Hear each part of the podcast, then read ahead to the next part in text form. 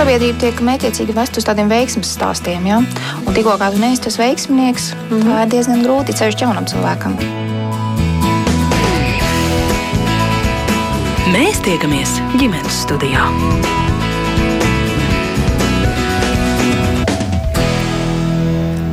Labdien, savu skanējumu sāk Latvijas radio viens raidījums ģimenes studija, un turpmāko stundu ar jums kopā šeit būs es Agnese Link un arī viss šī raidījuma radošā komanda.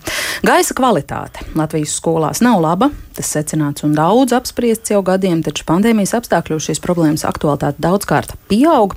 Solītie gaisa kvalitātes mērītāji Latvijas skolās šogad, kā nesen uzzinājām, nenonāks un nav zināms, vai tas notiks arī nākamgad.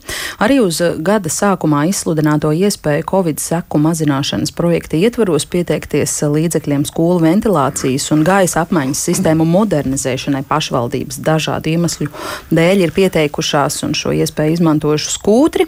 Taču risinājumi drošākām skolām ir vajadzīgi un vajadzīgi jau tūlīt. Un, um, Tagad vai viens no tiem varētu būt portatīvs gaisa attīrīšanas iekārt, iekārtas ierīces, kādas citu valstu skolās tiek iepirktas, um, nu jau kā ziņo ārvalstu mēdī masveidā, vai tās iespējams iegādāties um, mums vecākiem pašiem un nodot savu bērnu klasēm lietošanā. Par to šodien Rosinam diskusiju ģimenes studijā, ja jums klausītāji ir kāds jautājums vai rodas kādi komentāri, esat laipni aicināti pievienoties šai sarunai, rakstiet mums ziņas no Latvijas radio mājaslapas, bet eh, ģimenes studijā eh, kā pirmos eh, sarunas dalībniekus es šodien sveicinu Rīgas Tradiņa Universitātes asociētais profesors darba drošības un vidas veselības institūta direktors Ivars Vanadziņš. Labdien! Labdien! Un telefoniski ar mums kopā ir arī Latvijas Universitātes medicīnas fakultātes asociētā profesora, medicīnas tiesība eksperte Solvita Rita Olsena. Labdien! Labdien! Es sākšu ar eh, jautājumu jums. Abiem gaisa kvalitāte skolās līdz ar pandēmijas apstākļiem ir aktuālāka problēma nekā jebkad mm, iepriekš. Vai jūs tam piekrītat un kāda ir šīs problēmas eh, reāli risinājumi jūsu skatījumā? Jā, nu es varu, varu sākt. Droši, jā. jā, jā. Uh, jā nu, nu, laikam jāpiek, pirmkārt jāsaka to, ka tā ir milzīga problēma un tas mērogs viņai ir tāds grūti apjaušams, jo faktiski mums nav tāda pārliecinoša informācija un, ja nebūs tie gaisa monitoringa, tās iekārtas, tad tāda arī nebūs arī turpmāk. Bet tā mazā informācija, kas mums ir, kas nāk patiesi no tiem veselības inspekcijas organizētiem apsekojumiem, vairāk gadu garumā rāda, ka kaut kāds nu, 10-15% telpu ir tikai tādas, kur tā gaisa kvalitāte ir adekvāta. Tā kā problēma ir liela, būtiska, tas mērogs ir milzīgs. Un pandēmija to, protams, tikai lieku reizi ir uznesusi tādā mm. interesu, interesu tādā krustogunī vai, vai, vai, vai starmeža gaismā. Nu šai pašā ģimenes studijā tieši ar jums arī, arī esam, esam gadiem iepriekš runājuši jā, par šo nemitīgi, esat jā, zvanījuši trauksmes zvanu gadus jā. nekas Mums nav mainījies. Kāpēc mēs par to nerunājam, un es vienmēr norādu, ka runājam vismaz 15, 20 gadus. Mm. Nav bijusi tāda vēlme ieklausīties, un tajā ziņā varbūt viens no tiem pozitīviem pandēmijas, ļoti retajiem pozitīviem pandēmijas blakus efektiem būs tas, ka gaisa kvalitāte ir kā prioritāte, un arī piebildīšu to, ka um, labas ziņas ir tās, ka izdevās arī panākt, ka tiek pieņemti grozījumi būvnormatīvā no šī gada jūlija, kad visām jaunajām būvniecības iecerēm, tā skaitā arī skolu rekonstrukcijām, ir jānodrošina šī te, tad, tad, gaisa kvalitāte, lai nebūtu vairāk kā tie 1000 ppm tā mm. slavenā oglekļa dioksīda. Tā, tā jau ir milzīgi, milzīgi laba ziņa, bet jā, bet joprojām tas, tas ir nākotnē. Jā, Kādi ir risinājumi šobrīd, jūsuprāt? Uh, nu, laikam jāsaka tā, ka um, uh, tāda viegla, ātra, lēta risinājuma īsti nav. Ja, tad, prot, ir, ir kaut kādi tādi hibrīdi un paliek risinājumi, kuri mēs jau tajā skandrā runājam, ka par dažiem procentiem iespējams kaut ko uzlabo, un tas arī jau būtībā ir labi. Arī tie daži procenti nav slikti. Bet tāda, tādu pārdomātu risinājumu viņiem ir nu, tā tajā vecajā jokā, ka ātri, lēti, labi. Varam izvēlēties divus no šiem trim. Ja visus trīs mēs dabūt nekādīgi nevaram kopā. Šeit ir mazliet līdzīgi. Vienkārši ir jāatcerās daži tie fizikas pamatprincipi. Jāatcerās arī par to, kā, ja mēs runājam tieši par SARS-CoV-2, nu, par COVID-19 izraisītāju, tad jāatcerās jāatcerās, kas viņš tāds ir un kā viņš pārvietojās, eh, nu, kā, kā vīrus, kā viņš uzdās telpā un kur viņš ir un kā, kā no viņa var tikt vaļā. Tas ir droši vien būtu jāatcerās, droši vien par to runāsim. Jā, un faktiski būtībā tad ir, nu, es teiktu tā, ka tas eh, pārmaiņu posms, tas ātrais variants droši vien tiešām būtu Eh, nu, pirmā izvēle būtu tomēr, nu, tātad, ja nav centralizēta ventilācija iespējama, tas ir gari, dārgi, sarežģīti. Nu, tur tie paši projekti jāgatavo un viss tas, eh, un viņi arī tiešām ir ļoti dārgi. Tad ir tie decentralizētie gaisa ventilācijas risinājumi, kuri ir iespējami, mūsdienās pieejami. Nav lēti, bet nav arī kosmiski dārgi un ir lētāki nekā droši vien centralizēti risinājumi un arī ātrāki. Un tad ir, protams, tā gaisa attīrīšana. Tas droši vien ir šodienas galvenais fokus. Mm -hmm. Bet, nu, kopumā ņemot, tur grozi kā gribi to patiesību, uz kuru pusi un to fiziku, uz kuru pusi tie pamatprincipi ir tādi, ka ja mēs gribam tā ticami ietekmēt, uzlabot gaisa kvalitāti, tam vajag zināmu jaudu. Tam, tam tā iekārtai vajag, nu, pirmkārt, viņai ir zināmi parametri, zināmi uzdevumi, jā, tad, par kuriem gan jau runāsim. Un ir vajadzīga arī tā jauda. Un faktiski tas, nu, tā varbūt tādu, ņemsim tādu vienkāršotu ciparu, mums būtu stundā jātīra apmēram 600 kubikmetri gaisa ja tad jāiz, jāizgriež cauri caur kaut ko, vienalga, kas tas arī nebūtu. Ja? Ideālā gadījumā tas ir apmēram ar ārā gaisu, un tad mēs iegūstam gan to vīrusu dabūšanu prom, gan to svaigo gaisu un CO2 prom. Ja tas būtu tas pirmais, primārais un labākais risinājums, tad vēl kādas reizes 20 atkārtošu. Mm -hmm. Tā kā jau, jau laicīgi brīdina. Uh, nu tad, ja, ja tas nav iespējams, tad mēs varam mēģināt uh, dabūt to nu, vīrusu vai citas, citas mikroorganismus tajā, tajā telpā, tajā gaisā iznīdēt. Bet atslēga ir, tam ir vajadzīga pamatīga jauda. Un šeit mēs droši nonākam pie tā, ka kad nu, tādi sadzīves risinājumi, viņi ok, kādu procentu noteikti iedod drošībai klāt. Viņi tāpat ir jāuztur, jātīra, jākopja filtri, jāmaina. Par to mēs droši vien runāsim. Ja? Tādi normāli risinājumi, adekvātās jaudās, nu viņi tomēr mēs nonākam pie tā paša, kas īstenībā ir apmēram tikpat dārgi, cik decentralizēts ventilācijas, risinājums telpai. Nu, aptuveni 3, 4, 5 tūkstoši, 6 tūkstoši eiro plus mīnus par telpu. Nu, tas, tāds, nu, tas nav no gaisa cipars, bet tas apmēram tāds vidēji varētu sanākt. Ja? Toši, mm. Tur var uz vienu uz otru pusi būt nianses, bet nu, apmēram tā. Mm. Solvit, došu vārdu jums. Jūs publiskajā jā. telpā daudz runājat par to, ka gaisa kvalitāte skolās, jā, līdz ar pandēmijas ap apstākļiem, ir tāda liela problēma. Un runājat par nepieciešamību klases telpas aprīkot tieši ar gaisa attīrīšanas ierīcēm, pavisam vienkāršiem HEPA filtriem, kas daudzu citu valstu, kā jūs sakāt, pētnieku ieskatā ir efektīvs risinājums. Kas jums ļauj ticēt tam, ka tas tā ir? Es uh, vēl gribēju atgriezties mazliet par to problēmu, kāda faktiski ir. Um, ja, ja mēs m, gan Latvijā, gan visā pasaulē esam sapratuši, kādu postu mums nodara netīrs ūdens, un, un, un tas notika līdz ar holēras epidēmiju vairāk kā simts gadus atpakaļ, tad kādu postu mums nodara netīras gaisa, mēs vēl joprojām tā labi neesam sapratuši. Mums ir pietiekami pētījumi, kas parāda, ka netīras gaisa nogalina cilvēkus, bet mēs ļoti maz daram. Un faktiski tas, kas mums šodien notiek, ir tā divi piemēri, ko es gribētu teikt, lai, lai katrs saprast, mēs sēžam ļoti piečurātā basēnā ēnā bieži, nu tā simboliski gaisa, netīrā gaisā, ko citi ir izelpojuši. Un otrs piemērs, kas ir jāņem vērā, un to arī um, ir kolēģi inženieri sarēķinājuši, ka mūsu plaušas dienā ieelpo aptuveni 11 tūkstoši litru skab, uh, gaisa, uh, Un tas ir aptuveni līdzīgs no nu, trījiem tūkstošiem roku pāru. Un, ja tas gaiss ir netīrs, tas nozīmē, ka mēs, eh, nu, vismaz trīs tūkstoši reizes tā kā pieskaramies netīram uh, gaisam. Jā, tā ir, uh, nu, tā tie tie divi raksturu lielumi, lai vien, viens saprastu, ko, cik, cik uh, mūs apdraud netīrs gaiss. Un es piekrītu arī kolēģim par to, ka mums tie dati par to, ka mūsu skolās ir ļoti netīrs gaiss, ir pietiekami un, un, un, un, un ļoti satraucoši. Un mums arī, ja mēs palūkojamies par bērnu saslimstībām, tik līdz bērni aiziet skolā vai bērnu dārzos, jā, tad mēs visi zinām, ka bērni slimo. Un ne jau tāpēc, bērni slimo ne jau tāpēc, ka viņi ir vāji, nu, kā cilvēki, bet bērni tiešām šajos apstākļos sastopas ar ļoti daudziem slimību izraisītājiem.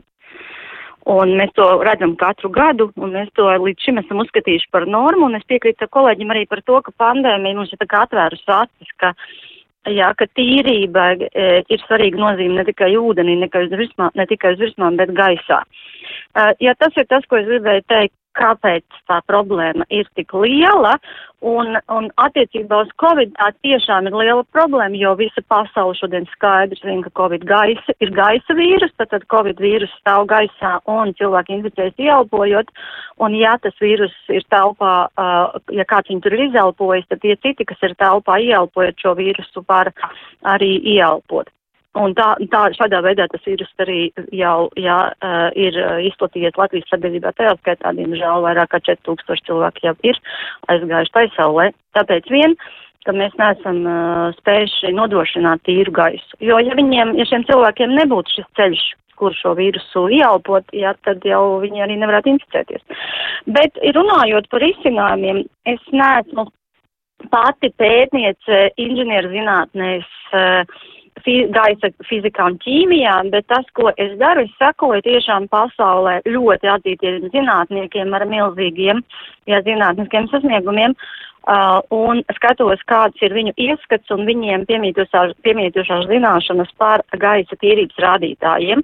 Un šeit ir, uh, jā, ir, uh, ir, ir skaidri zināms, ka gaisa tīrība ir, ir izšķiroša nozīme ja daudziem vīrusiem, ne tikai covidam, bet ļoti svarīga nozīme cilvēku veselībā, un lai gaiss būtu tīrs, ja tā tad ir, uh, ir uh, tā, jo mēs runājam par telpām šajā gadījumā, jo, protams, mums ir uh, otra problēma, ir kopumā pilsētu gaiss un, un, un, un gaisa piesārņojums ārā, ja, bet to atstājam šobrīd, bet ja mēs runājam par telpām, uh, Ja, tad ir, protams, mums vajadzētu sākotnēji panākt, lai mums ir ļoti laba gaisa apmaiņa, tas ir ventilācija pietiekama, ja, tad, tad telpas gaisa apmaiņa ar ārā gaisu, tā būtu ventilācija, un savukārt, ja mēs to nevaram panākt pietiekamā apmērā, tā lai tas gaiss būtu pietiekami tīrs, ja tad mums tas telpas gaiss ir jātīra ar uh, uh, mehāniskiem līdzekļiem.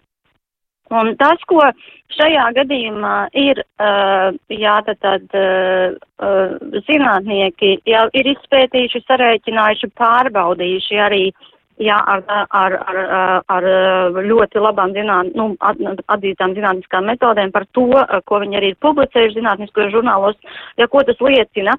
Gaisa tīrīšanu mēs varam nodrošināt salīdzinoši vienkārši, ar uh, atbilstošiem filtriem, eh, HEPA filtriem, kuriem ir uh, noteikta sastāva uh, filtri, kas aiztur maza, mazus mikronus, 0,1 mikronu, uh, nu, speciāla lieluma daļiņas no gaisa, kas ir arī vīrusu aiztur.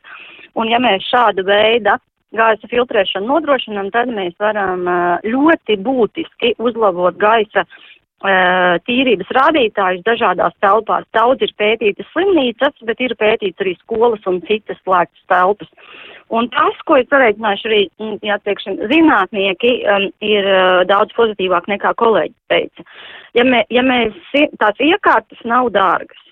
Ja, ir, protams, centralizētās iekārtas un ir, ir uh, lokālās iekārtas. Ja, ja skatās kopumā tā, tās izmaksas, cik mums maksā uh, slimības, ārstēšana, zaudējumi, kas ir saistīti ar ierobežojumiem tam līdzīgi, tad salīdzinot šīs iekārtas e, ir lētas.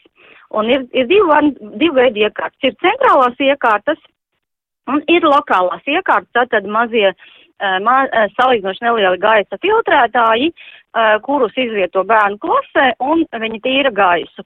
Un tas, ko, kur ir arī ļoti labi dati zinātniski pierādīti, par ļoti vienkāršām iekāršām ir tā saucamie, ir divu ASV zinātnieku vārdā nosauktā, jā, Korsi un Rozentāla kaste saucamā, jā, ļoti vienkārši filtrēcijas iekārtas, kur ir HEPA 13 filtri un ventilators.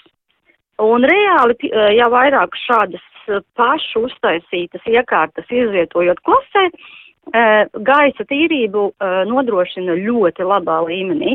Ja tā kā, tā kā katrā gadījumā, un kā jau jūs teicāt, ja tādi piemēri šobrīd pasaulē ir pietiekami daudz, un tie sasniegumi, kas notiek tajās skolu klasēs, kur šāda filtrācija notiek, ir pārliecinoši. Jā, bet tas, ko es dzirdu, klasēs jūsu... tā saslimstība, jā, būtiski samazinās. Un faktiski šajā situācijā, kur mēs esam šodien Latvijā, mums ir atkal vairāk kā 50 nomiruši cilvēki, mēs, es, es uzskatu, lai mēs aizsargātu bērnus un katrs sevi, mēs nedrīkstētu vairs nevienu dienu kavēties. Eh, droši vien, ka viena lieta, ko es jūs teiktajā sadzirdēju, kas mums būtu jānošķir, eh, ir pašu izgatavotas, paštaisītas ierīces un rūpnieciski ražotas eh, ierīces, bet par to droši vien vēl atsevišķu stundu varētu diskutēt. Bet, Solvit, jūs teiktajā, es saprotu, ka ierīce ar HEPA filtru, vadoties pēc tās informācijas, kas ir jūsu rīcībā, ir risinājums arī tad, ja simtus ne tikai tūkstošus vērta un izmaksājusi. Tieši tā, tas, ko mums rāda zinātnieku un tieši nozara zinātnieku dati, ir, jā, ir pārliecinoši un ļoti labi pierādījumi tam, ka vienkāršas un salīdzinoši lētas šīs gaisa filtrācijas iekārtas, kas ir zināmas, inženi, nu, zinā, nu, ne tikai zinātnē, bet kopumā jau mums ir zināmas sen un pazīstamas, jā, ir ļoti labs un efektīvs risinājums gaisa tīrības nodrošināšanai un covid ierobežošanai. Bet, bet tā problēma ir tāda, ka mums to iekārtu nav un mēs viņus nelietojam. Manadziņa kungs, ko piebildīsiet teiktajiem? Uh, nu es dažam, pirmkārt, varbūt virkni lietu precizēšanu. Es domāju, ka mums nav nekādu, nekādu es teiktu, man ir pilnīgi, pilnīgi var pievienoties tam, ka tātad gaisa kvalitāte ir ārkārtīgi būtiska lieta, kas nu, ir svarīga visādos aspektos, tā skaitā arī Covid-19 prevencijas kontekstā. Bet, nu, kā jau dzīvē mēs būtu, vēlams vienmēr ir detaļās. Un šeit ir to, šeit to vēlnu vai to detaļu ir īpaši daudz. Un es vienkārši domāju, ka pirmā lietošana, ko mums vajadzētu mēģināt, ir nu, tādas nedot tādas. Um, tādu viltus uh, drošības sajūtu vai tādas veltes cerības, ka nopirksim tur par 20 eiro kastīti un viņi visas mūsu problēmas atrisinās. Tas tiešām tā nestrādā. Jo tās detaļas, viņas, ir, viņas tiešām ir ļoti, ļoti būtiskas. Un, ko es minēšu par to pašu uh, Corsija Rozentālu kastīti, ja tādiem paštaisītiem filtriem. Uh, pirmkārt, tur nav HEPA filtri, tur ir tie saucamie MERVA filtri, kas ir nu, auduma maska pret respiratoru. Tas ir viena vien nianse. Un arī viņu izmaksa būtībā sezonā ir apmēram 1000 eiro. Jā, ja mēs tā reiķinām vienai klasē, vienā sezonā 1000 eiro tikai filtros. Vai tas ir ātri, lēti? Nu, ātri, jā, lēti droši vien, ka nē. Jā, vai tas panāk to pilnīgi kaut kādu būtisku garantiju vai būtisku uzlabojumu? E, droši vien, ka ne, es, tie, es teiktu tā, ka uzlabojumu noteikti panāk. Jā, jautājums, vai tas vienmēr atsver to, to ieguldījumu. Un es droši vien tikai pievienotos, un man patīk, Zolīte ļoti labi pateica, ka, ka prioritāte, protams, ir gaisa apmaiņa. Un to droši vien nevajadzētu vienmēr, vienmēr vajadzētu atcerēties, ka jebkurš risinājums mums būtu atskatās kontekstā.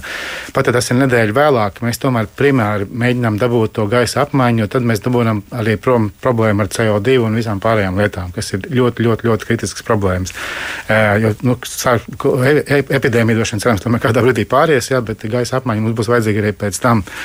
Un, un tad ir tā nākamā bēda, es domāju, par tām detaļām runājot, tur tieši tā, tā lielā nianse un tā galvenā nianse ir tā, ka, ka nav tāda lieta kā vienkārši HEPA filtrs. HEPA filtrs ir vājprātīgi sarežģīts filtrs. Tas ir ārkārtīgi sarežģīts izstrādājums.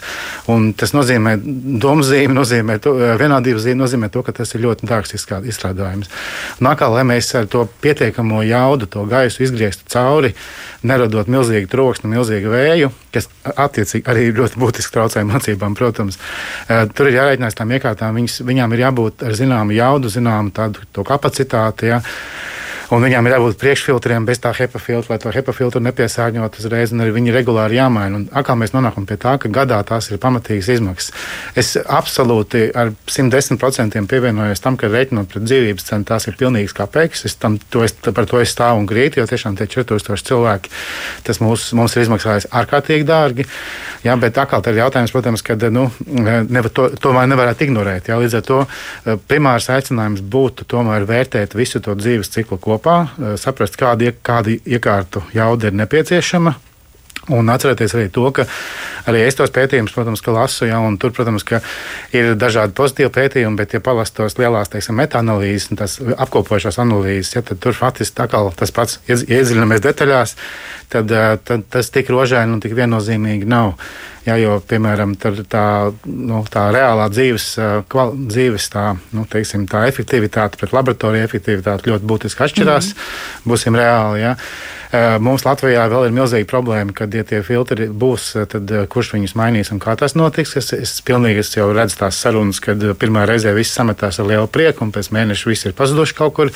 Ja tas filtrs ir ciets, viņš nevis tikai, nu, ne, ne tikai nu, vienkārši nestrādā, bet viņš kļūst skaļāks, tērē vairāk elektrības.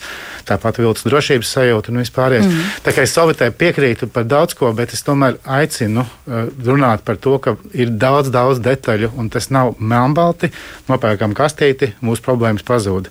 Tā tas, diemžēl, nestrādā, lai kā man negribētos tam ticēt. Ja? E, mums ir diezgan dinamiski jāiet uz priekšu, un es nevaru daudz vairs ļaut jums diskutēt. Divi tā, es tikai pajautāšu vēl, e, ja pavisam īsi ir iespēja atbildēt. E, šobrīd, nu, kaut vai iemetot Google atslēgas vārdus HEPA filters schools, angliski, tad ir redzams, ka HEPA filtrus klasēm pērka, ierīts ar HEPA filtriem pērka Eiropas valstis, Lielbritānija, par Ameriku, tur es nezinu, vasarā jau bija Ņujorka štats savām skolām nopirkt 40 tūkstoši vienības. Vai jūsu rīcībā ir informācija kaut kāda par to, kādas ierīces šīs ir? Vai tās ir tās super dārgās un ļoti, ļoti skaļās, un skolā tāpēc lietošanai nepiemērotās, mm. vai kur ir tā atšķirība? Uh, es domāju, ka uh, tajās, tajās pieminētajās valstīs, kur ir pirmkārt ir izpratne par gaisa kvalitāti, jā, es domāju, ka tur vairumā gadījumā ir paralēli arī jau skolu ventilācija. Pirmkārt, tur nav skolas nu, tad jau viņiem nevajadzētu vispār. Ne, viņi pērk to kā tiem papildus 10, 5, 15% mm. papildus drošībai. Nu, mums pat tā nav. Mums pat tā nav.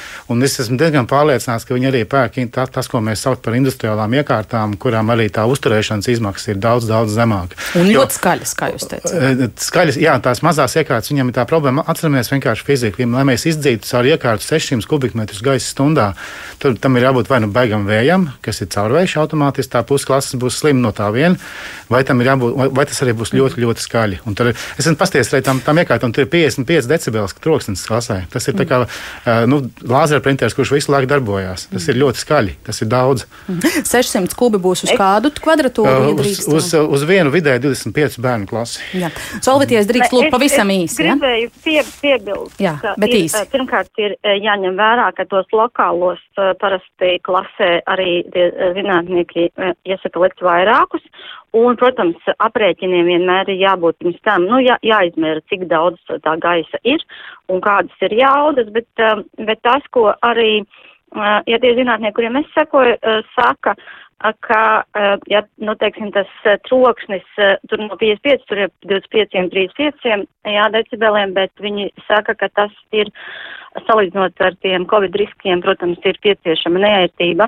Bet kas ir jāņem vērā un ko, ar ko mēs arī varētu sastapties, ka, un tā bija arī Amerikas pieredze, ka skolas iepilka, ie, iepirka pilnīgi nederīgas iekārtas ionizētājus, kuriem nav nekāda pierādījuma, ka viņi e, kaut ko palīdz.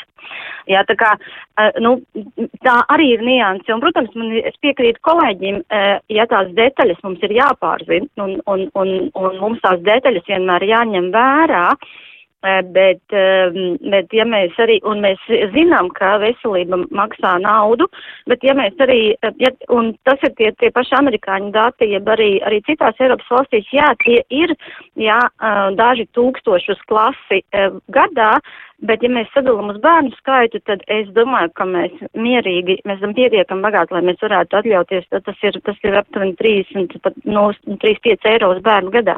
Ja, es domāju, ka bērnu veselība, eh, bērnu veselības dēļ mēs droši varētu samaksāt arī 50 eiro uz bērnu gadā, jo, jo tas vienmēr būs tā vērts vesels bērns. Protams.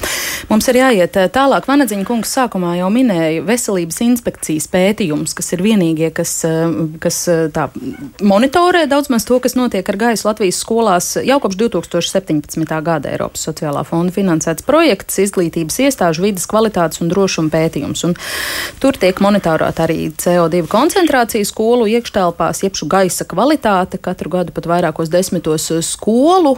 Iepriekšējā mācību gadā gan ir eh, bijis grūtāk ar, ar, ar klātienes pētījumiem skolās, bet eh, pēdējā starpziņojumā ir secināts, ka tātad tikai 9% telpu gaisa kvalitāte novērtēta kā laba, 75% kā viduvēja, bet 16% kā slikta. Šobrīd mūsu sarunai pievienojas Veselības inspekcijas vidas veselības analītiķa Maija Ladeiko. Labdien, Maija, dzirdat mūs?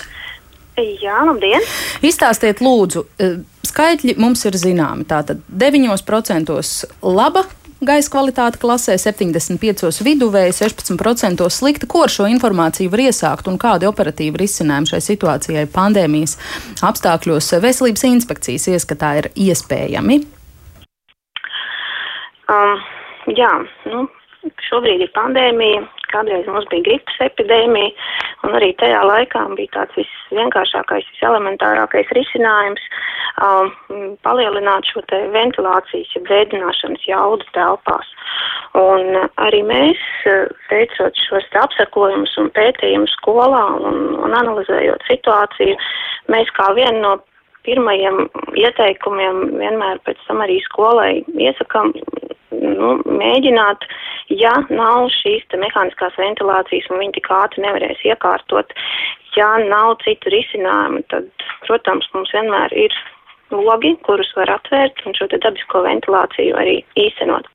Protams, ir um, situācijas, kad skola atrodas nu, teiksim, kā Rīgas skolas, ja viņi atrodas centrā, vai viņi atrodas kaut kur uh, Rīgas ostas rajonā, un, piemēram, kā arī pati skola, tad sūdzās, ka viņi nemaz nevar atvērt tos logus vaļā, jo viņiem tur nāk iekšā, piemēram, ogļu putekļi, vai uh, no pilsētas ielām tvana gāze vai troksnis. Tad tur, protams, ir jāmeklē arī kāds ļoti radikāls risinājums, lai to gaisa kvalitāti varētu uzlabot un, un arī to veidināšanu nodrošināt. Kāds ir jūsu monitorings par vēdināšanu? Cik lielā mērā skolas to ievēro vai nē šobrīd, šoruden? Kādi svaigākie dati pārskats? Uh, svaigākie priekšstats? dati, jā, mēs šoruden atkal esam atsākuši braukt uz skolām. Un, jā, tas ir tas pozitīvais moments, ko, ko nākās novērot, jo Nu, mēs zinām to lietu, ka skolās, um, un ne tikai skolās, arī dzīvokļos, arī mājās mums tagad, lai taupītu siltumu, visiem ir salikti šie, nu, es saku, plasmasas logi, kas tik tiešām uh, veicina šo te energo efektivitāti, siltumu saglabāšanu, un kā man arī skolās stāsta, ka viņiem šī te temperatūra, nu, 4-5 grādiem ir cēlusies, un, un savukārt arī izmaksas par apkuri viņiem, piemēram, pat uz pusi ir samazinājušās, viņi ir priecīgi. Uh, bet uh, līdz ar šiem logiem ir ienācis tāds viens nīķis, ka mēs tos logus uh, atveram, nu tā tikai atvāžam to spraudziņu vaļā ventilēšanas, jeb vēdināšanas režīmā. Bet uh, mācību telpā, kurā, piemēram, ir 27 bērni plus vēl skolotājs, viņi tur ir uzturējušies 40 minūtes un aktīvi mācījušies, runājuši, darbojušies, varbūt vēl kāda dinamiskā pauze pa vidu ir bijusi, tad jau uz tām piecām, desmit minūtēm atstāja vaļā logu tikai šādā veidināšanas režīmā, tad pilnvērtīgi gaisa apmaiņa telpā būs grūti panākt. Un, un, un tikko, tikko, tikko arī vienā skolā paši skolotāji man aizbraucot un ņemot nost uzstādītos aparātus, viņi stāstīja, ka viņi ir uzmanīgi sekojuši un skatījušies līdzi un konstatējuši šo te paradoksu, kā mēs taču atvērām tos logus, bet plus viņiem vēl saules pusē bija aizvilktas priekšā žalūzijas, un, un tajā aparātā tas rādītājs nekrīt nos, ir tie 1300 ppm, un kā nekrīt, tā nekrīt. Tā tad, jā, galvenais, laikam, mācēt pareizi tos logus atvērt vaļā, un, un jā, vairākās skolās man pat ir izteikuši tagad tādus aizrādījumus, nē, nē, tur nelieciet, mums tur logi stāvēs vaļā, tur mēs nevarēsim iegūt objektīvus rādītājus. Tā ka uh, skolās ir sākuši sekot līdz tam, kā pareizi atvērt logu un tiešām panākt šo te maksimālo izveidināšanu, arī durvis atverot vaļā un, un, un arī seko līdz tam, lai bērni šajā laikā neatrastos telpā, skolēni izietu kaut kur ārā, vai nu gaitenis, vai kāda rekreācijas telpa, un, un, un mācību telpa būtu pienācīgi izveidināta. Cik liecina mana mammas pieredze, tomēr starpbrīžos viņiem nav ļauts visiem kopīgi šobrīd ne pie kādiem apstākļiem mm. uzturēties gaiteņos un nav nekādu atsevišķu mm. rekreācijas telpu. Es, es nezinu, es teikšu, ka katrai, jā. Jā, katrai skolai individuāls. Tas, jā. Nē, nu šobrīd klases tikai burbuļos uh, kontaktējās mm, un uzturās telpās. Pati, nē, nē, mm. tur, tur nav individuāla pieredze. Tur ļoti stingri noteikumi šobrīd par to, ka bērni pavada klasē visu dienu. Banateņkungs īsts mm. komentārs par šo. Nu, tātad, vai tas var būt, vai tā ir labāka alternatīva? Nepērkam ir, filtrus, ir, netīram, nu, taisam nu, vaļā logus, paļaujamies, ka skola to darīs. Katrs konkrētais nu, pedagogs uz viņas sirdsapziņas. Jā, tas ir tāds vairāk milzīgi atbildīgi man kaut ko, kaut ko teikt, bet es teiktu tā, ka man liktos tā pareizā secība būtu, ka veidināšana ir ātrākais, lētākais un tūlīt izdarāmais.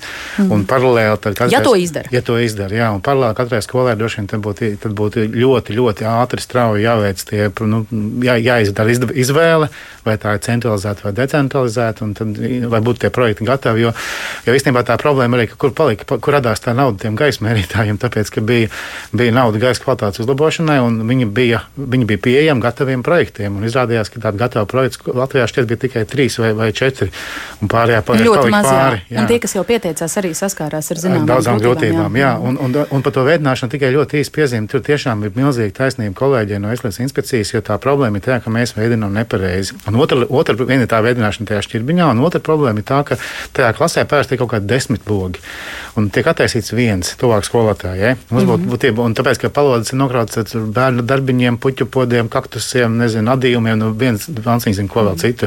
Es tiem mums būtu jābūt došiem, ka vismaz nu, vairumam logu tajā brīdī ir jābūt atvērtam uz to īso mm -hmm. brīdi.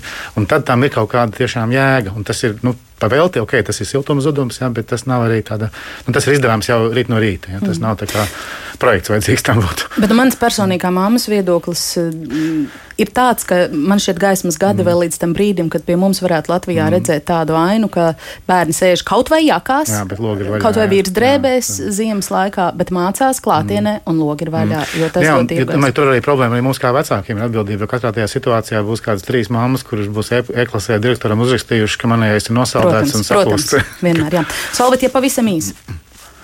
Attiecībā uz ventilēšanu, tā, tas, un tā būtu noteikti skolas atbildība katrai klasē vismaz pārbaudīt un, un sarēķināt to ventilēšanas, nu, ventilēšanas modeli, cik kas ir jātaisa, cik ilgi ir jātur vaļā, lai panāktu nepieciešamo gaisa apmaiņu. Un tad mēs varētu tālāk jau saprast, vai to tas skolotājs, kam tas būtu jādara, izdara vai neizdara. Jo, jo tā ir fizika. Un mums ir, mēs varam sarēķināt, kad tas gaiss apmainīsies, cik ilgi laikā, cik, liela, cik lielām atverēm jābūt. Jā, un tomēr pat neliels efekts, pat varbūt daži procenti, ko gaisa tīrībai var dot arī šī gaisa attīrītā, attīrītā iekārta, iekārta ar filtru. Vecākiem dod cerību un vecākiem mm. dod entuziasmu rīkoties eh, pašiem, protams, komplektā ar citiem risinājumiem, ar logu atvēršanu, ar maskām un tā tālāk. Tas viss kopīgi vairo drošību. Un, eh, jā, ģimenes studijas rīcībā nonāca informācija, ka vairākās skolās vecāki jau rīkojas un paši mm, iedvesmojoties tiešām no publiskajā telpā daudz pieejamas informācijas no ārvalstu ārvalstu informācijas paši vēlas iegādāties gaisa filtru ierīces, ko uzstādīt, eh, nodot skolām, klasēm, taču šīs iniciatīvas sastopas ar šķēršļiem. Piemēram, kāda eh, mamma, kas vienpersoniski gatava iekārtu iegādāties un nodot lietošanā savu bērnu klasē, viņa piekrita ar mums padalīties ar savu eh, stāstu un pieredzi, jāpiebilst vēlēdamās saglabāt anonimitāti. Mēs paklausīsimies viņas pieredzē. Man ir ārsta izglītība. Klasiskā medicīnā es esmu strādājis neilgi, bet šobrīd es strādāju farmācijā un darbojos ar klīniskiem pētījumiem. Un zinātniskā literatūra pētījumi tā ir mana ikdiena, un es par tiem interesējos, lasu, sekoju līdzi. Un, protams, tā kā šobrīd ir aktivitāte Covid, tad, protams, visa informācija, kas saistīta ar šo saslimšanu, ir, ir aktualitāte. Un tam es sekoju arī līdzi. Protams, tā kā man ir trīs bērni, divi no tiem jau ir pieauguši un viņiem nav nekāda problēma veikt vakcināciju, tad man, kas man uztrauc šobrīd, ir mans jaunākais bērns, kuram ir desmit gadi. Un tā kā šai vecuma grupai vēl nav pieejamas vakcīnas, tad, protams, ir ļoti svarīgi mēģināt bērnam rast drošu vidi skolā, lai mazinātu šo, šo saslimšanu un, un radītu epidemioloģiski drošus apstākļus. Un tā kā pavisam nesen izskanēja publiska informācija, ka skolas tomēr netiks nodrošinātas ar, ar ventilācijas sistēmas atjauninājumiem, kas varētu tādējādi sekmēt šo drošo vidi un tīro gaisu skolā. Tad arī man nāca šī ideja, ka uh, es savas meitas klasē varētu nopirkt un, un uzstādīt šo portatīvo HEPA filtru. Es ar, ar daļu no klases vecākiem mēģināju uzsākt šo sarunu, bet uh, par cik tie viedokļi bija ļoti krasi un dažādi, un argumenti bija vienkārši satriecoši. Uh, sākot ar to, ka uh, bērni jau slimo viegli, un tāpēc nu, par viņiem vispār nav jāuztraucās. Un tad es sapratu, ka uh, īstenībā jau tā klases vecāku grupa vai klase ir tāda nu, miniatūra mūsu sabiedrība. Es saprotu, ka ja es lūkšu vai ierosināšu nu, visiem nopirkt, veikt šo līdzmaksājumu, kaut kādu sadursies protestu, negatīvismu. Tāpēc es izlēmu, ka nu, es esmu gatava arī viena pati šādi veikt šo ieguldījumu, uzstādīt šo filtru.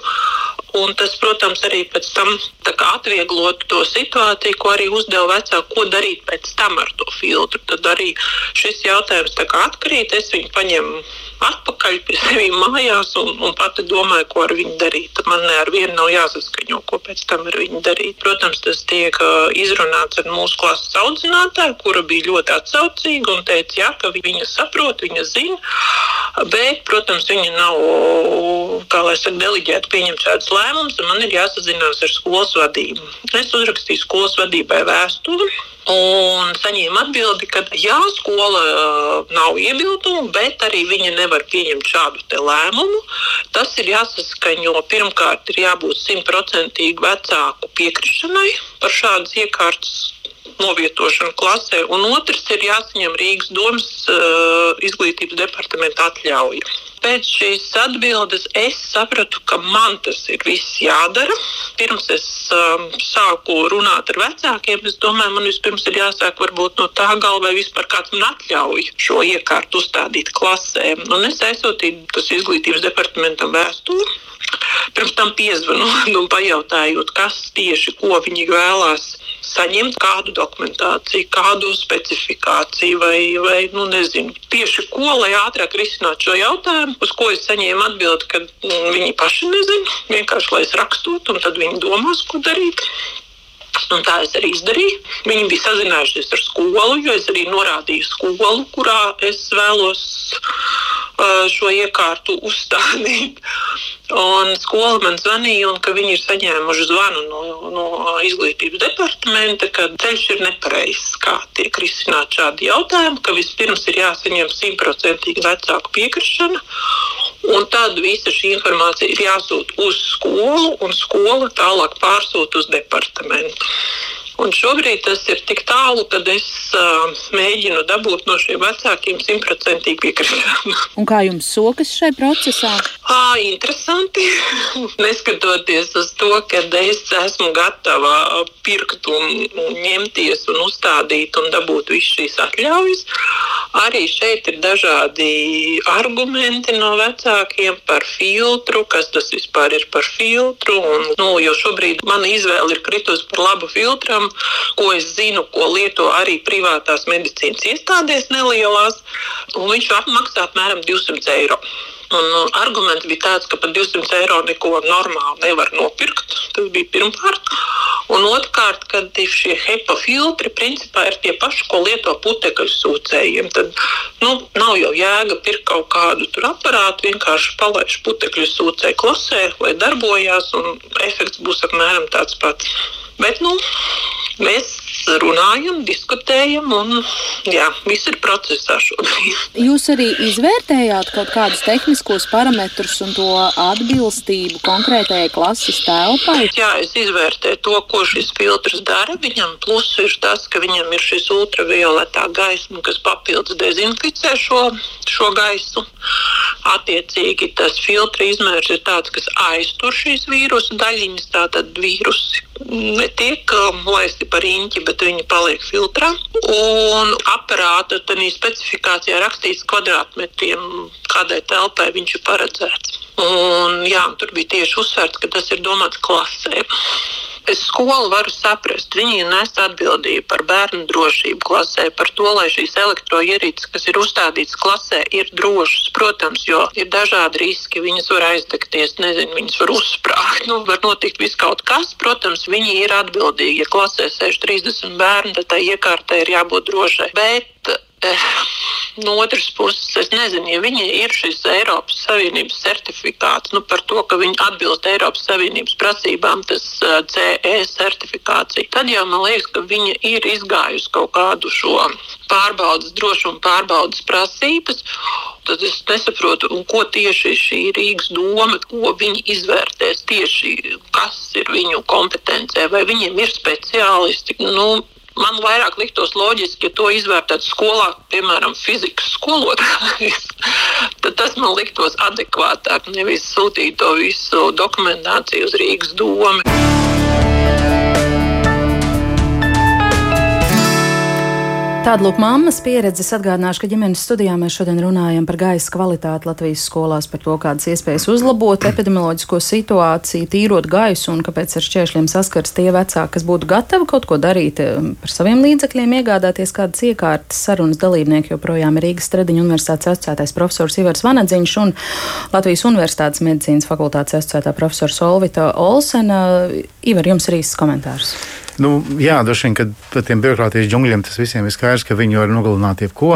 Bet tas, kas izskanēja arī, tā mamma pieminēja, ir ultravioleto starojumu. Un es gribētu teikt, ka tev tās gaisa filtrēšanās iekārtas, viņas, attīrošās iekārtas, viņas ir tādas pieci lieli veidi un divu veidu filtri, ja, kas ir ok, un tad ir tās fotokatalītiskās ozonā, ozonētāji un ionizatori. Tiem es ārkārtīgi stingri aicinātu neaizrauties, jo tur ir ārkārtīgi lieli blakus saistītie riski, un, un to tiešām nevajadzētu pat sākt domāt, jo tur ir nu, nepārbaudīta efektivitāte un ārkārtīgi daudz tiešām būtisku risku no viņa darbības. Mm. Arī medicīnas iekārtēm, kas Latvijā, kā kolēģis teica, jau lietotas. Jā, nu, C certifikāts ir arī daudzām iekārtām, ko izmanto, piemēram, arī nogalināšanai. Tas tādā ziņā nav nekāda noristīta. Tas C marķējums pats par sevi neko īpaši negarantē. Mm. Solvita, jums komentārs uh, no juridiskā es, viedokļa varbūt? No juridiskā viedokļa ir, protams, Rīgas doma ir aizmirsusi, kādi likumā noteikti pienākumi Rīgas doma ir pret bērniem skolās. Jo, uh, principā, Rīgas doma bija tā, bija, Rīgas doma ir tā persona, kurai būtu jāiet pie šiem vecākiem un ar viņiem uh, ne tikai, jā, šeit neiet runa par piekrišanu, bērnu aizsardzība ir bērnu patstāvīgas, uh, patstāvīgas tiesības, bērnu veselība ir katra bērna tiesība neatkarīgi no tā, vai viņi vecāki tam piekrīt vai nē. Un, uh, un, un tas, uh, es arī esmu sarakstījusies Rīgas doma Twitterī, jā, tas Rīgas domas pieeja šim jautājumam manā ieskatā ir gan juridiski nekorekta, e, gan arī, uh, jā, gan arī tāda, kas faktiski apdraud bērnu veselību, jo, jo, jo, jo, protams, Covid kopumā un Covid skolā mēs nevaram atrisināt viens vecāks, pieci vecāki vai viens direktors vai Rīgas doma. Mums būtu visiem jāsēž ap vienu galdu un jāvienojas, kā mēs tieši to, kas mums ir jāizdara, bet ir efektīvs, kā mēs kopīgi varam izdarīt. Un, ja tajā, tādā brīdī, kad ir cilvēki, kas ir gatavi piedalīties arī ar savu privāto personu, par, privāto finansējumu, lai, lai risinātu kopēju apdraudējumu, ja mēs viņiem uzliekam tos raksturotos šķēršļus, ja manā, manā ieskatā tas ir, tā ir nolaidīga rīcība, jā, juridiski skatoties. Bet no otras puses, jā, un es arī kolēģiem piekrītu, protams, tas būtu tikai vajadzīgs, jā, lai mēs uh, paskatāmies uh, tieši uz tām tirgu iespēju pieejamām iekārtām un tad arī tiešām izpētam, jā, no tiem darbības mehānismiem, kuri ir labi pierādīti un pievienojos kolēģim, un tad arī iesakām, jā, tad, jā, ku, kurus risinājumus mēs lietam, lietojam viņu drošības dēļ. Ja, un, un šo šis jautājums nebūtu kā, kā arī, ja, tā, nu, jūsu intervētā mamma stāstīja, ja nebūtu jārisina ne Rīgas domas juristiem, ne Jā, ne mammai pašai šo jautājumu tomēr mēs varētu atrisināt centralizēti, jā, un, un, un zinātniski korekti, jā, tieši tā pārbaudot, jā, pierādījums eh, par eh, šo dažādu risinājumu efektivitāti. Un es pievienojos kolēģim, tas, ko mēs zinām, HEPA filtriem ar noteiktu, protams, eh, filtrācijas, filtrācijas parametriem, ne visiem, bet ar noteiktiem parametriem, ir pierādīta efektivitāte. Tas, ko mēs zinām, ionizētājiem nav efektivitāte, un kolēģis arī ja to mēs jau dzirdējām, jā, es atvainojos, es taupīšu laiku, mēs jā, iesim uz kā, priekšu, jā. Tā kā, protams, mums ir iekārtām, ir jābūt tādām, jā, kurām e, ir e, pierādījumi. Jā, to mēs sapratām. Nu, tā tad, diemžēl, Rīgas doma arī nevēlējās piedalīties šai sarunā un komentēt situāciju. Viņi atsūtīja mums rakstiskus uh, skaidrojumu, ka šāds vecāku ziedojums būtu interešu konflikts un mēģinājums kā, kukuļot skolu. Tāpēc šobrīd mūs dzird arī korupcijas novēršanas apkarošanas biroja politikas plānošanas komunikācijas pārvaldes priekšniece Anna Ļošina. Vai šis pašvaldības arguments, Anna, ka vecāki nevar pirkt ierīces gaisa kvalitātes, kvalitātes uzlabošanai. Šobrīd runa par bērnu drošību klasēs, jo tā būs kukuļu došana, atbilst arī jūsu izpratnē traktējumam par normatīvajos aktos eh, teikto. Un kādai tad būtu jā, jābūt varbūt skolas vecāku rīcībai, lai viss būtu korekti? Uh, labdien! Lielas paldies par iespēju īsumā um, pastāstīšu par tiem ierobežojumiem un mērķi, kāds vispār ir noteikts, kāpēc līdz šim un arī šobrīd um, nu, ziedojumi varbūt uh, nebija, teiksim tā, uh, pilnībā brīvi uh, atļauti uh, skolām. Tātad mērķis galvenais bija novērst nevienlīdzību, proti neradīt priekšrocības vai labvēlīgāku attieksmi pret bērniem, kuru vecāki var atļauties ziedot. Un arī otrs mērķis, lai novērstu skolu nepamatotas prasības lūgt vecākiem ziedot. Tas ir tas ģenerālais virsmērķis. Bet um, Tas, ko es gribu pateikt, labā ziņa ir tā, ka eh, šogad ir tapuši grozījumi interešu konflikta eh, novēršanas likumā, un proti eh, šobrīd likums neparedz stingrus ierobežojumus, lai skolas varētu tātad atsevišķus ziedojumus pieņemt. Ja mēs runājam par tiem pašiem HEPA filtriem, jā, ko mēs uzskatām par ziedojumu, tad uh, ir vairāk nosacījums. Pirmais nosacījums ir tas, ka šis ziedojums ir jābūt viņam paredzētam, tātad zinātnes, piemēram, izglītības, bērnu, jauniešu sporta veicināšanai un arī tajā skaitā arī bērnu veselības aizsardzībai, tātad veselības veicināšanai.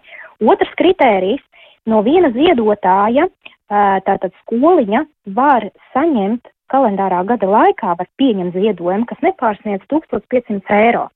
Tātad šeit ir atvieglota kārtība, proti, ka, ja īsteno šie divi kritēriji, tātad ir mērķis, tātad tas ir atvēlēts publiskas personas institūcijas funkciju veicināšanai, mēs redzam, tas ir izglītības process un kas ir drošs izglītības process, un arī no viena ziedotāja, ja ziedojuma summa nepārsniedz 1500 eiro šobrīd, tad lēmumu pieņem skolas direktors. Viņš arī vērtē šos kritērijus.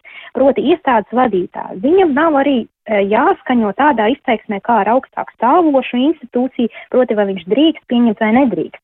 Bet vēl viens būtisks kritērijs ir tas, ka vērtējot šo te, vai viņš var pieņemt šo te HEPA filtru, nu, šajā situācijā bija, kā, kā māma bija teikusi, ja, no viņas pašas personīgi, tad ir jāvērtē, protams, vai šajā gadījumā nerodas kāds interešu konflikts un vai neietekmēs arī lēmumu pieņemšanu attiecībā uz ziedotāju. Tad šādā te gadījumā skolas direktors izvērtē, viņš redz, ka ja nav šī interešu konflikta, viņš šo ziedojumu var pieņemt, nu, un pēdējais solis ir tas, ka viņš šo ziedojumu arī iegrāmato. Tātad savā veidā tātad ņem uzskait, lai, lai varētu izsakot, ka konkrētais ziedojums ir saņemts un, un, un kur viņš tiek izmantots. Bet, protams, ja nosacījums par 1500 eiro, ja šīm trīs minimālajām mēneša algām netiek ievērots, tad gan ir procedūra krietni, krietni sarežģītāka. Un uh, vēl Rīgas doma mums ieteica, ka viens risinājums varētu būt, ka šādas ierīces uh, skolām ziedot varētu biedrība vai ar skolu nesaistīta persona vai pašu vecāku dibinātas skolas atbalsta biedrības. Vai tas ir risinājums jūsu skatījumā? Nu, um, šī atbalsta, šie atbalsta fondi un biedrības, viņi bija um, aktuālas līdz tam brīdim, kad tapa šie jaunie grozījumi. Man šķiet, ka šie jaunie grozījumi jau arī atrisina šo situāciju un šie mazie ziedojumi tagad var tik brīvi arī, nu, nosacīt brīvi pieņemties daudz atvieglotākā veidā no katras fiziskas, juridiskas personas, arī no biedrībām, bet man šķiet, ka galvenais ir tagad, nu, paskatīties uz šo te vienkāršoto kārtību un, un, un, un pieņemt arī, tā kā teikt, no, no pašiem vecākiem, ievērojot šos te nosacījumus. Piedodiet, ja nesaklausīju, kad šis stājas spēkā un kāpēc Rīgas doma, piemēram, komunikācijā ar mums neko par šo neminēja? Viņi nav informēti vēl? Grozījumi. Uh, grozījumi likumā ir stājušies spēkā šogad, februārī. Tā kā šis te jaunais instruments un mehānisms jau ir spēkā esošs, man būs grūti komentēt, kāda bija Rīgas domas argumentācija, bet, bet tas, ka mēs arī publiski par šiem grozījumiem, arī mums, man liekas, infogramma mūsu knabu mājaslapā par šiem ziedojumiem, par jauno kārtību, tā kā publiska informācija ir, un, un ja nepieciešams, tad mēs vēl, vēl runāsim, un, un Rīgas doma noteikti var arī vērsties pie mums, ja ir kaut kādi papildu jautājumi. Jā, paldies jums eh, par komentāru. Tātad Anna Ļošina no korupcijas novēršanas apkarošanas biroja arī dzen komentēja šo jautājumu. Ļoti daudz klausītāju komentāru, kuru, kuriem pateicoties droši vien šim rādījumam būs jātaisa eh, versija numur Otras divi, volume divi, jā, jo Oskars, piemēram, raksta, es uz pagājušiem Ziemassvētkiem bērnu klasē iedevu eglas kāju, lai klasē būtu eglīti, tad sanāk, ka tas bija kukulis. Viņš eh, droši vien retoriski. Līdz februārim, jā. Vaicā. Jā. Uh, ir arī daudz komentāru par to, ka gan totāli tiek ignorēta nepieciešamība vēdināt telpas skolās, bērnu dārzos. Ļoti daudz vecāku par to raksta. Gan arī, dzen, piemēram, kāds eh, klausītājs raksta, ka 64. vidusskolā logi vaļā arī stundās, un bērni, kas tuvāk pie logiem vai kam ir augsti, sēž jakās. Nu, tā tad mēs varam rezumēt, ka būtībā šis atkal paliek uz, skolas, skolas konkrētā skolotāja sirdsapziņas vai mm. izpratnes jautājums. Tā mēs mm. varētu teikt. Nu, tas jau pat schēmā ar tādošanu arī ir bijis, jo tā veidināšana jau kā prasība bija spēkā arī pirms tam. Mm. Tas jau nav nekas tāds jaun izdomāts. Jā, līdz ar to mēs tiešām varam tikai varbūt atkal un atkal skolu direktoru līmenī ar, ar viņu skolotājiem runāt, ka tas ir obligāti, tas ir nepieciešams, kāpēc tas ir nepieciešams un tam līdzīgi. Mm. Un paralēli domāt domāt par projektiem, par centralizētu vai decentralizētu ventilāciju, kur viņas nav. Nu, jā. Toms raksta, ka pēc būvnormatīviem sabiedriskās telpās, tā skaitā klasēs CO2 koncentrācija nedrīkst pārsniegt 1000 jā. ppm. Būtībā sanāk, ka daudzās skolās tiek jā. pārkāpts likums, trūkst tikai uzņēmīga jurista. Tā nav īsti taisnība. Kurš tas ir, tas ir spēkā no tiesā. jaunajām iecerēm un plāno, nu, nu, tas ir tas skats nākotnē. Vērsts, jā, jā. jā. Solvit, jums pēdējā raidījuma minūte, pusotra, varu atvēlēt jūsu rezumē. Jā, es domāju, ka uh, liels paldies gan raidījumam, gan visiem iesaistītiem. Es, es redzu, ka mums ir kopīgs ceļš, kuru mēs varam iet. Uh, jā, juridisku šķēršļu nav, ir uh, tā griba gan vecākiem, gan skolai, gan Rīgas domē sadarboties, un es domāju, ka zinātne nodrošina mums jau šobrīd pietiekami daudz datus, lai mēs atrastu tās pareizos risinājumus pieejamos, nu, un es ceru, ka mēs uh, rīt sāksim to darīt. Jā. Kā tur bija par to mm. cerību? Kura mirst pēdējā? Kas mirst pēdējā?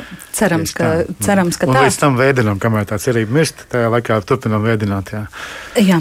Liels paldies eh, sarunas eh, dalībniekiem šeit ģimenes studijā. Kopā ar mani bija Rīgas Stradiņu universitātes asociētais profesors, darba drošības un vidas veselības institūta direktors Ivars eh, Vanadziņš. Paldies, ka atnācāt un telefoniski ar mums kopā šo stundu pavadīja arī Latvijas Universitātes medicīnas fakultātes asociētā profesora un medicīnas tiesību eksperte Solvita Olsena. Mums aiz kadra vai, vai, vai, vai teiksim, ārpus ētera palika vēl daži ļoti interesanti šī jautājuma aspekti. Mēs noteikti par to runāsim ģimenes studijā vēl tuvākajā laikā, bet eh, par šī raidījuma tapšanu un skanējumu gādāja Ilza Zvaigzne, Rīta Kārnača un es Agnese Linka. Rīt ģimenes studijā diskusija par to, kāds atbalsts nepieciešams dzirdes problēmu skarto bērnu ģimenēm, lai šie bērni varētu sekmīgi iekļauties mūsu dzirdīgo sabiedrībā. Klausieties to rīt ģimenes studijā īsi pēc pulksten diviem, klausieties ģimenes studijā arī podkāstos, sekojiet mums sociālo tīklu kontos un uz sadzirdēšanos.